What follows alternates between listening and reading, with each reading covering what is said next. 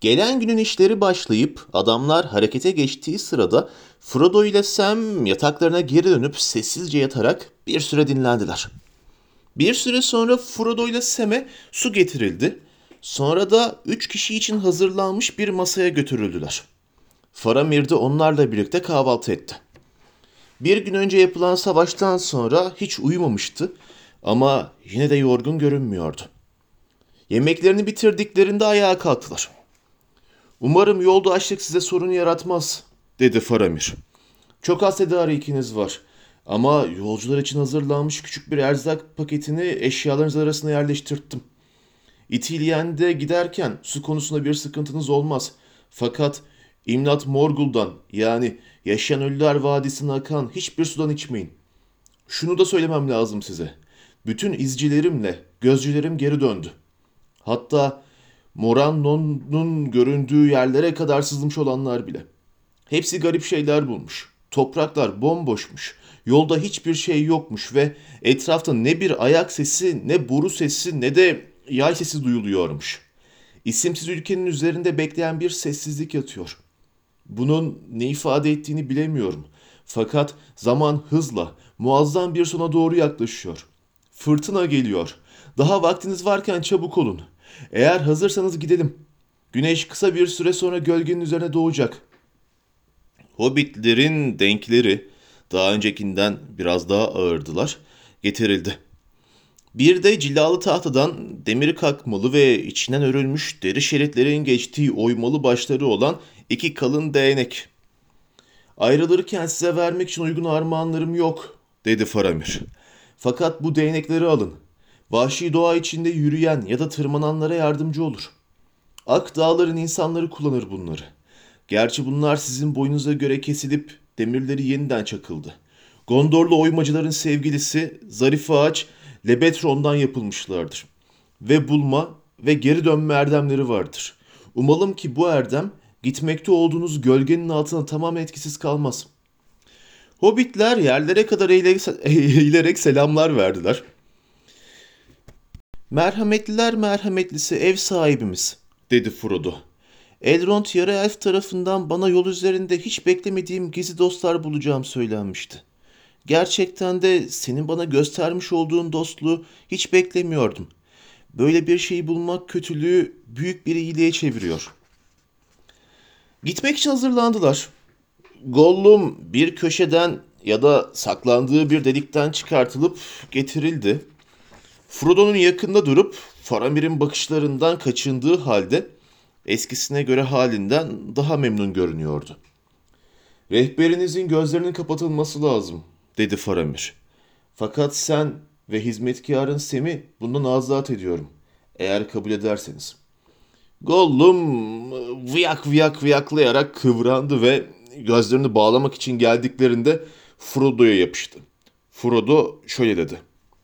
Üçümüzün de gözlerini bağlayın ve önce benim gözlerimi kapatın.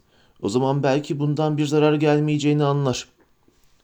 Söylenen yapıldı ve Henet Annun mağarasından çıkarıldılar. Geçitlerden ve merdivenlerden ilerledikten sonra etraflarında serin sabah havasını hissettiler.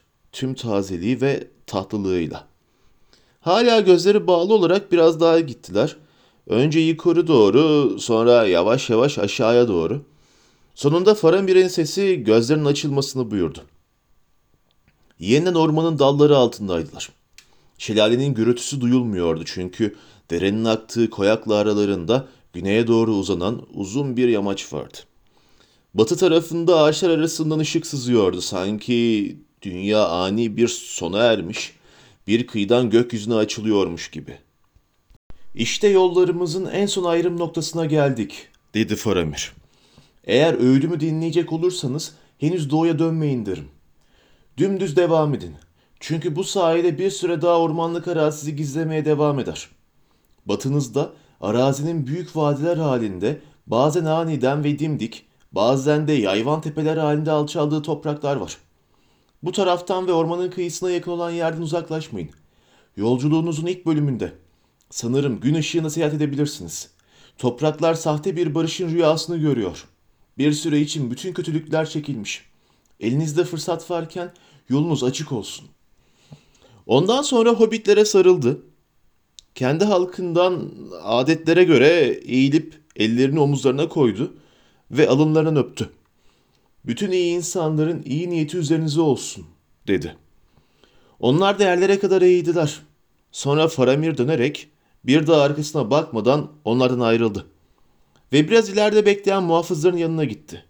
Neredeyse göz açıp kapatıncaya kadar gözden kaybolan bu yeşillere bürünmüş adamların ne kadar hızlı hareket ettiklerini görerek hayran kaldılar. Az önce Faramir'in durduğu ormanlık alan sanki bir rüya gibi gelip geçmiş gibi boş ve kasvetli görünüyordu. Frodo iç geçirerek güneye döndü. Bu tür kibarlıkları olan saygısızlığın altını çizmek istercesine Gollum ağacın birinin dibindeki küflü toprağa kazıp duruyordu. Daha şimdiden acıktı mı acaba? diye düşündü Sam. Eh, yine çattık belaya. Sonunda gittiler mi? dedi Gollum. Pis, kötü insanlar. Smeagol'un boynu hala canısını acıtıyor. Evet, acıtıyor. Hadi gidelim. Evet, hadi gidelim, dedi Frodo. Fakat sana merhamet gösterenler için sadece kötü şeyler söyleyeceksen hiç sesini çıkarma daha iyi. Cici Bey, dedi Gollum. Smeagol şaka yapıyordu canım. Hep affeder öyle yapar. Evet, evet. Hatta beynin minik hilelerini bile. Aa evet, Cici Bey, Cici Smeagol. Frodo ile Sam cevap vermediler. Denklerine yüklenip asalarını ellerine alarak itilen ormana daldılar. İki kez dinlendiler o gün ve Faramir'in yanlarına verdiği yemeklerden yediler. Günlerce yetecek kadar kuru meyve, tuzlu et ve tazeliğini muhafaza ettiği sürece yetecek kadar ekmek. Gollumsa hiçbir şey yemedi. Güneş doğarak tepelerinden görünmeden geçti gitti ve kavuşmaya başladı. Ağaçlar arasından sızan ışık batı yönünde altın rengine döndü. Onlarsa hep serin, yeşil bir gölgede yürüdüler. Etraflarında ise sessizlik vardı. Sanki bütün kuşlar ya uzaklara uçmuştu ya da dilleri tutulmuştu. Karanlık sessiz ormanlara erken indi. Gece çökmeden mola verdiler yorgun argın. Çünkü Henet Annun'dan beri en az yedi fersah yürümüşlerdi. Frodo uzanarak geceyi kadim bir ağacın altındaki yosunlar üzerinde uyuyarak geçirdi. Sam yanında daha huzursuzdu. Birçok kez uyandı ama diğerleri dinlenmek için yerleştikten sonra sıvışıp giden Gollum'dan iz bile yoktu. Kendi başına yakınlarda bir delikte uyuyor muydu yoksa gece içinde sinsi sinsi ve huzursuzca dolanıyor muydu bilemiyordu Sam. Ama ışığını ilk pırıltısıyla geriye dönerek yol arkadaşlarını kaldırdı. Kalkmak lazım. Evet, kalkmaları lazım, dedi. Hala gidecek uzun bir yol var. Güneye ve batıya. Hobbitler acele etmeli. O gün de bir önceki gibi geçti sayılır. Sadece sessizlik daha da derin gibiydi.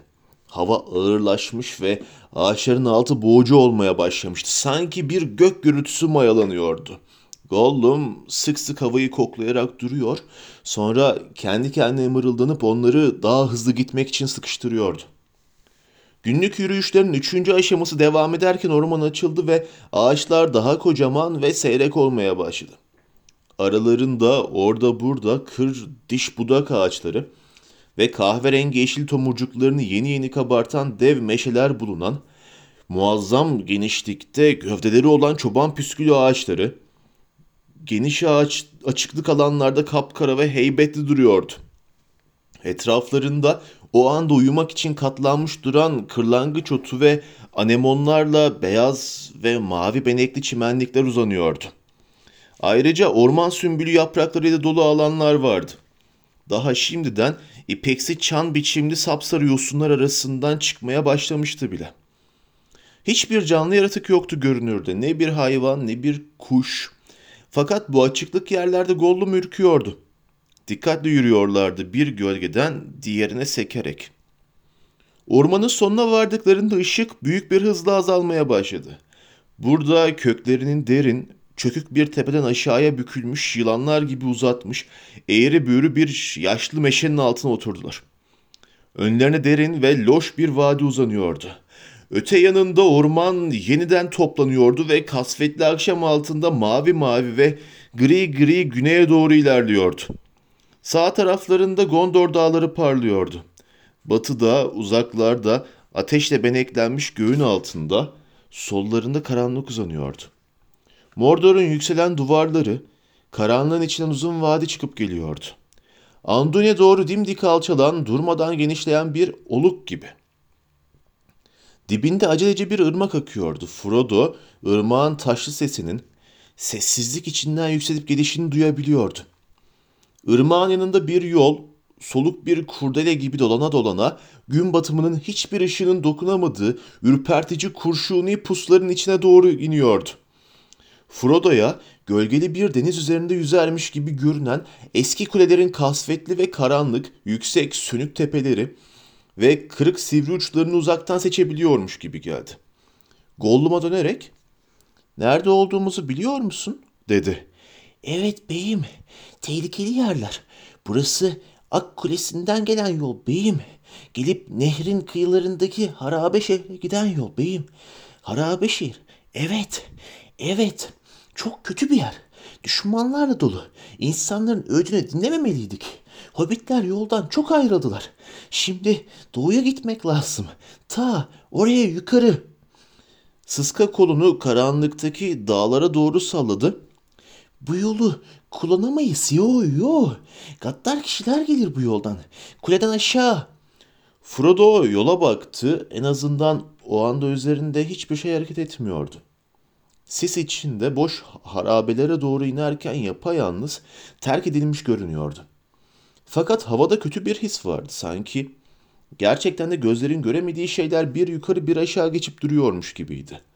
Frodo yeniden artık geceye doğru erimekte olan uzaktaki kulelere baktıkça ürperdi. Suyun sesi de soğuk ve zalimce geliyordu kulağa. Morgul Duyu'nun Tayflar Vadisi'nden çıkıp gelen pis nehrin sesi. Ne yapacağız? dedi. Uzun zamandır yürüyoruz. Uzun bir yol kat ettik. Arkadaki ormanda gizlenebileceğimiz bir yerler arayalım mı? Karanlıkta saklanmak lazım değil. Dedi Gollum. Artık hobbitler gündüzleri saklanmalı. Evet, gündüzleri. Hadi oradan dedi Sam. Gece yarısı yeniden kalkacaksak bile biraz dinlenmemiz lazım. O zaman karanlık hala sürüyor olacak. Senin bizi uzun bir yürüyüşe götürebileceğin kadar uzun zaman. Eğer yolu biliyorsan. Gollum gönülsüzce kabul etmek zorunda kaldı bunu. Ağaçlara dönerek ormanın dağınık kıyısı boyunca bir süre doğuya doğru güçlükle ilerledi. Kötü yolun o kadar yakınında yerde dinlenmeyi reddediyordu. Bir süre tartıştıktan sonra hepsi e, kalın dalları gövdesinden bir arada fışkıran, saklanmak için güzel bir yer ve oldukça rahat bir sığınak oluşturan koca bir pırnalın dallarıyla gövdesinin birleştiği yere tırmandılar. Gece çöktü ve ağacın kubbesinin altı tamamen karardı. Frodo ile Sam biraz su içip biraz ekmek ve kuru meyve yediler. Ama Gollum hemen kıvrılarak uykuya daldı. Hobbitler gözlerini bile kırpmadılar. Gollum uyandığında gece yarısını biraz geçiyor olmalıydı. Aniden soluk gözlerinin fal taşı gibi onlara doğru parıldadığını fark ettiler. Etrafı dinleyip havayı kokladı. Bu daha önce de fark etmiş oldukları gibi gece zamanı anlamak için kullandığı olağan bir yöntemdi. Dinlendik mi? Güzel, güzel uyuduk mu? Dedi. Hadi gidelim. Dinlenmedik ve uyumadık diyor homurdandı Sam. Fakat eğer gerekiyorsa gideriz. Gollum hemen ağaçtan atlayıp dört ayak üzerine indi. Hobbitler daha yavaş izlediler onu. Aşağıya iner inmez yeniden Gollum önde, onlar arkada doğuya, yükselmekte olan karanlık araziye doğru gittiler. Çok az bir şey görebiliyorlardı çünkü gece artık o kadar derinleşmişti ki. Tökezleyip çarpmadan önce ağaçların gövdelerini göremiyorlardı neredeyse. Zemin artık daha engebeliydi ve yürümek daha zorlaşmıştı fakat Gollum hiç rahatsız olmamış gibiydi. Onları çalılıkların ve kaba dikenliklerin içinden geçiriyor, derin bir yarığın veya kara bir çukurun kenarından dolaştırıp götürüyor, bazen kara çalılarla örtülmüş çukurlara indirip çıkartıyordu fakat biraz yokuş inseler bile mutlaka diğer taraftaki yamaç daha yüksek ve daha dik oluyordu. Durmadan tırmanıyorlardı. İlk molalarında arkalarına baktılar ve geride bıraktıkları kara boş gök altında daha da kara bir gece gibi, engin ve koyu bir gölge gibi uzanan ormanın tepesini zorlukla seçebildiler.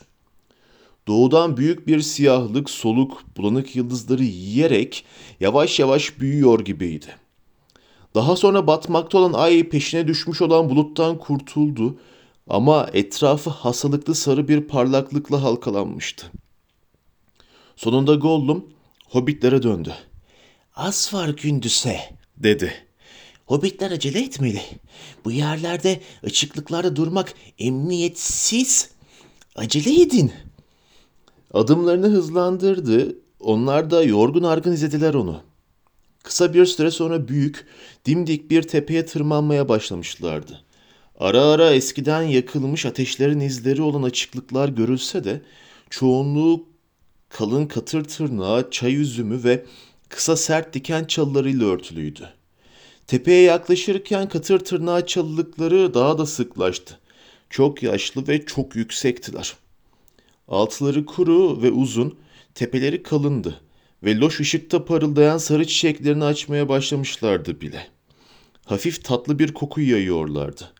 Çalılıklar o kadar yüksekti ki hobbitler zemini dikenli yosunlarla kaplanmış olan uzun kuru sıralar arasından geçerken altlarında başlarını eğmeden yürüyebiliyorlardı. Bu geniş tepenin arka yamacında yürüyüşlerine ara verip saklanmak için karma karışık bir diken yumağının altına girdiler emekleyerek. Dikenin yerlere kadar eğilen dalları yaşlı fundalıkların tırmanan kargaşasıyla örtülmüştü. İyice derinlerde ölü dallar ve böğürtlen çalısıya dolu, çatısı ilk yapraklar ve sürgünlerle örtülmüş bir boşluk vardı. Yemek dahi yiyemeyecek kadar yorgun olduklarından bir süre yattılar. Örtünün arasındaki deliklerden günün yavaş yavaş doğmasını seyrettiler. Fakat gün mün gelmedi. Sadece ölü, kahverengi bir alacakaranlık vardı. Doğuda da alçalan bulutların altına donuk kırmızı bir parlaklık. Bu şafağın alı değildi.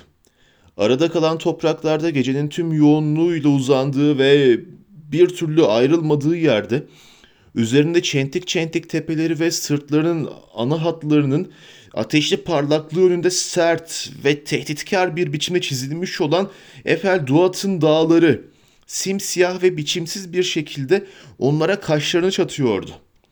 Sağ yanlarında uzakta büyük bir dağ sırtı, gölgeler arasında batı yönüne doğru karanlık ve siyah uzanarak sıra dağlardan ayrılmıştı. Buradan nereye gidiyoruz? diye sordu Frodo.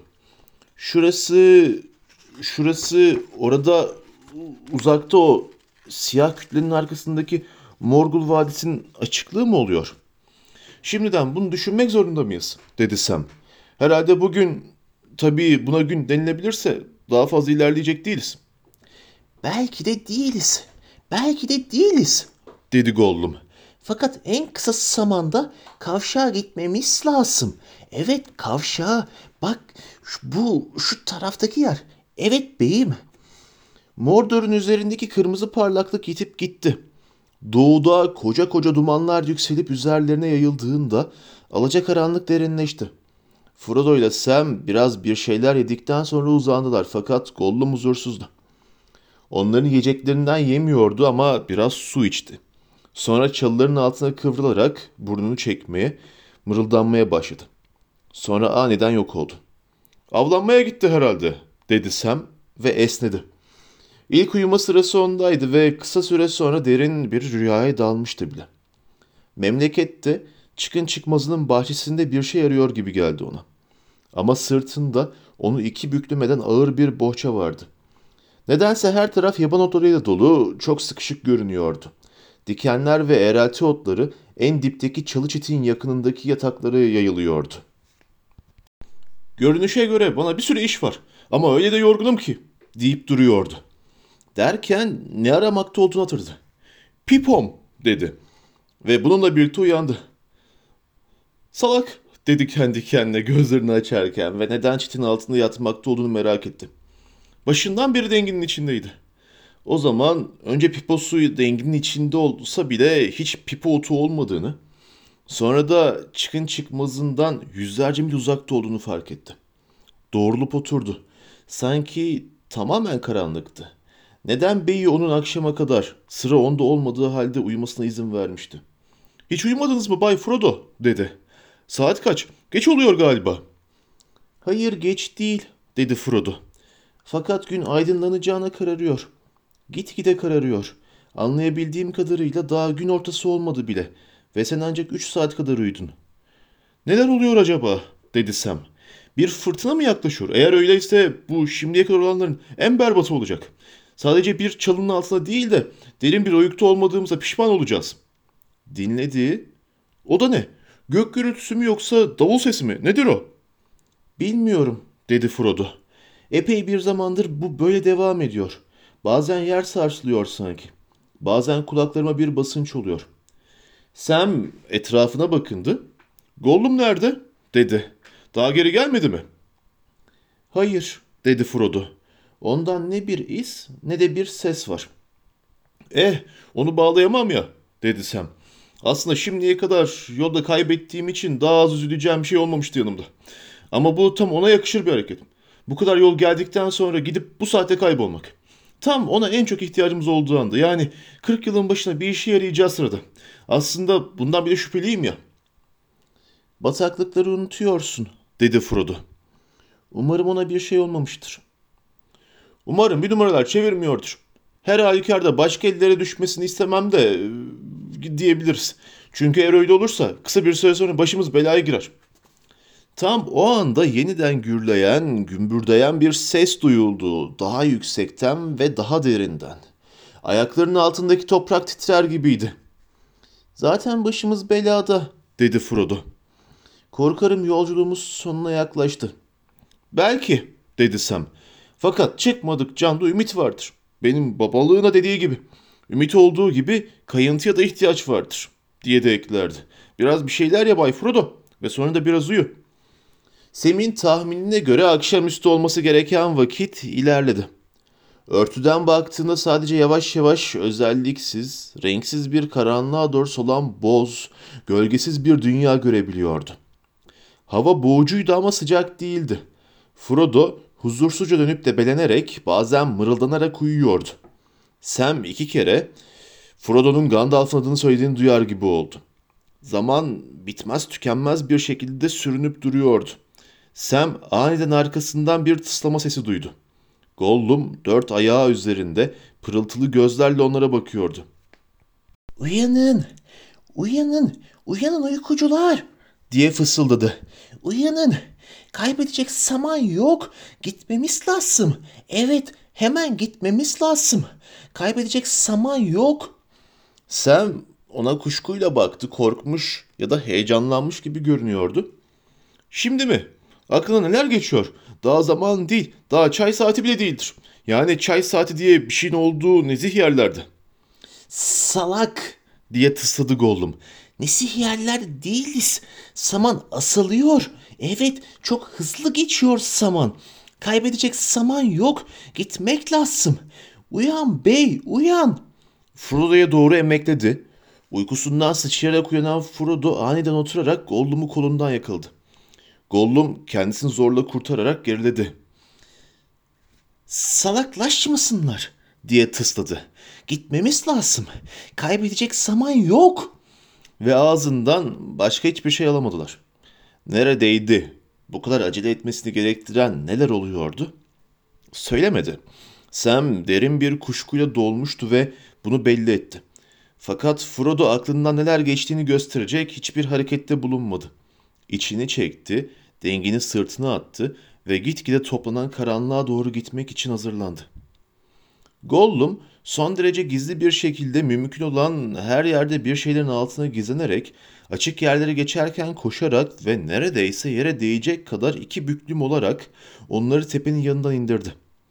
Fakat ışık artık o kadar azalmıştı ki vahşi doğanın son derece keskin gözlere sahip hayvanları bile başlıklarını takmış, gri pelerinlerine bürünmüş hobbitleri pek göremezdi. Küçük halkların dikkatli yürüyüşüne sahip oldukları için onları duyamazlardı da. Bir dal çıtırdatmadan, bir yaprak ışırdatmadan gelip geçtiler. Bir saat kadar sessizce, tek sıra halinde, karanlıktan ve bulundukları toprakları saran, arada bir çok uzaklardaki bir gök gürültüsü veya boş dağlardaki davul gümbürtüsünün bozduğu mutlak hareketsizlikten içleri sıkılarak gittiler. Saklandıkları yerden aşağı indik, indiler önce, sonra güneye dönerek Gollum'un bulabildiğince düz bir yoldan dağlara doğru yaslanmış uzun, kırık dökük yamaçlarından ilerlediler. Derken önlerinde çok uzak olmayan bir yerde kara bir duvar gibi yükselen bir ağaç kuşağı gördüler. Yaklaştıkça bu ağaçların çok kocaman olduğunu fark ettiler. Çok kadim ağaçlara benziyordu bunlar. Tepeleri sanki bir fırtına veya yıldırım onları kasıp kavurmuş ama öldürememiş veya dipsiz köklerini sarsamamış gibi kuru ve kırık olduğu halde hala yükseklere uzanıyorlardı. Kavşak, evet. diye fısıldadı Gollum. Saklandıkları yerden çıktıklarından beri söylediği ilk sözlerdi bunlar. O taraftan gitmemiz lazım. Artık doğuya dönerek onları yokuş yukarı yönlendirdi. Sonra büyük ağaç halkasına dalıncaya kadar dağların dış eteklerinden dolana dolana güney yolu aniden önlerinde beliriverdi. Tek yol bu. Diye fısıldadı Gollum. Yolun gerisinde başka yol, iz yok. Kavşağa gitmek zorundayız. Acele edin, sessiz olun. Yolda düşmanların ordugahlarına girmiş izciler kadar sessizce ve ihtiyatla ilerlemeye başladılar. Batı tarafındaki kayalığın altından kendileri de gri birer kaya gibi avlanan kediler kadar hafif adımlarla gezinerek yürüdüler. Bir süre sonra ağaçlara vardılar ve bunların ortası kasvetli göğe açılan kocaman, çatısız bir çember haline durduklarını gördüler.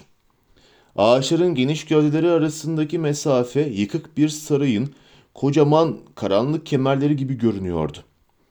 Bunların gerisinde Moranon'a giden yol uzanıyordu. Önlerindeki yol güneye uzanan büyük yolculuğuna doğru gidiyordu. Sağlarında eski Oskidyat'tan gelen yol tırmanarak yaklaşıyor, geçip doğuda karanlığa doğru ilerliyordu. Dördüncü yol onların tutacağı yoldu. Orada bir an korku içinde duran Frodo bir ışığın parlamakta olduğunu fark etti. Işığın yanında duran Sem'in yüzüne kızıl bir parlaklık yaydığını gördü. Işığa döndüğünde dalların kemerleri gerisinde Oskilyat yolunun neredeyse dümdüz gerilmiş bir kurdele gibi batıya doğru indiğini gördü. Orada uzakta artık gölgelere gark olmuş Gondor'un arkasında sonunda kocaman yavaş yavaş ilerleyen bir bulutun kenarını bulmuş, henüz lekelenmemiş denize doğru meşhum bir ateş haline düşmekte olan güneş kavuşuyordu. Kısacık ışığı Argonat'ın hareketsiz ve heybetli taştan kralları gibi oturmakta olan muazzam bir şeklin üzerine vurdu. Yıllar onu kemirmiş, vahşi eller sakatlamıştı. Kafası gitmişti. Onun yerine alay olsun diye yuvarlak, kabaca yontulmuş, medeniyet görmemiş eller tarafından alnında kocaman kırmızı bir göz olan sırıtan bir yüze benzetilmeye çalışarak kabaca boyanmış bir taş konmuştu. Dizlerinin azametli tahtının ve kaidesinin üzerinde Mordor'un solucan halkının kullandığı cinsten kötü sembollerle karışık boş karalamalar vardı. Aniden Frodo eski kralın yatay ışınlarının çevrelediği başını gördü. Yuvarlanmış yol kenarında yatıyordu. Bak Sam diye bağırdı hayretle konuşuvererek. Bak kralın yine bir tacı var. Gözleri oyulmuş, yontulmuş, sakalı kırılmış ama yüksek alnının üzerinde gümüş ve altından bir taç vardı. Yıldız gibi çiçekleri olan sarmaşıksı bir bitki sanki devrilmiş olan krala hürmet göstermek istercesine kendisini onun alnına dolamıştı. Taştan saçlarının çatlakları arasında da kaya korukları sarı sarı parıldıyordu. Sonsuza kadar fethedemezler, dedi Frodo. Sonra aniden o kısa sahne sona erdi. Güneş batarak gözden kayboldu. Sanki bir lamba söndürülmüş gibi kara gece çöktü.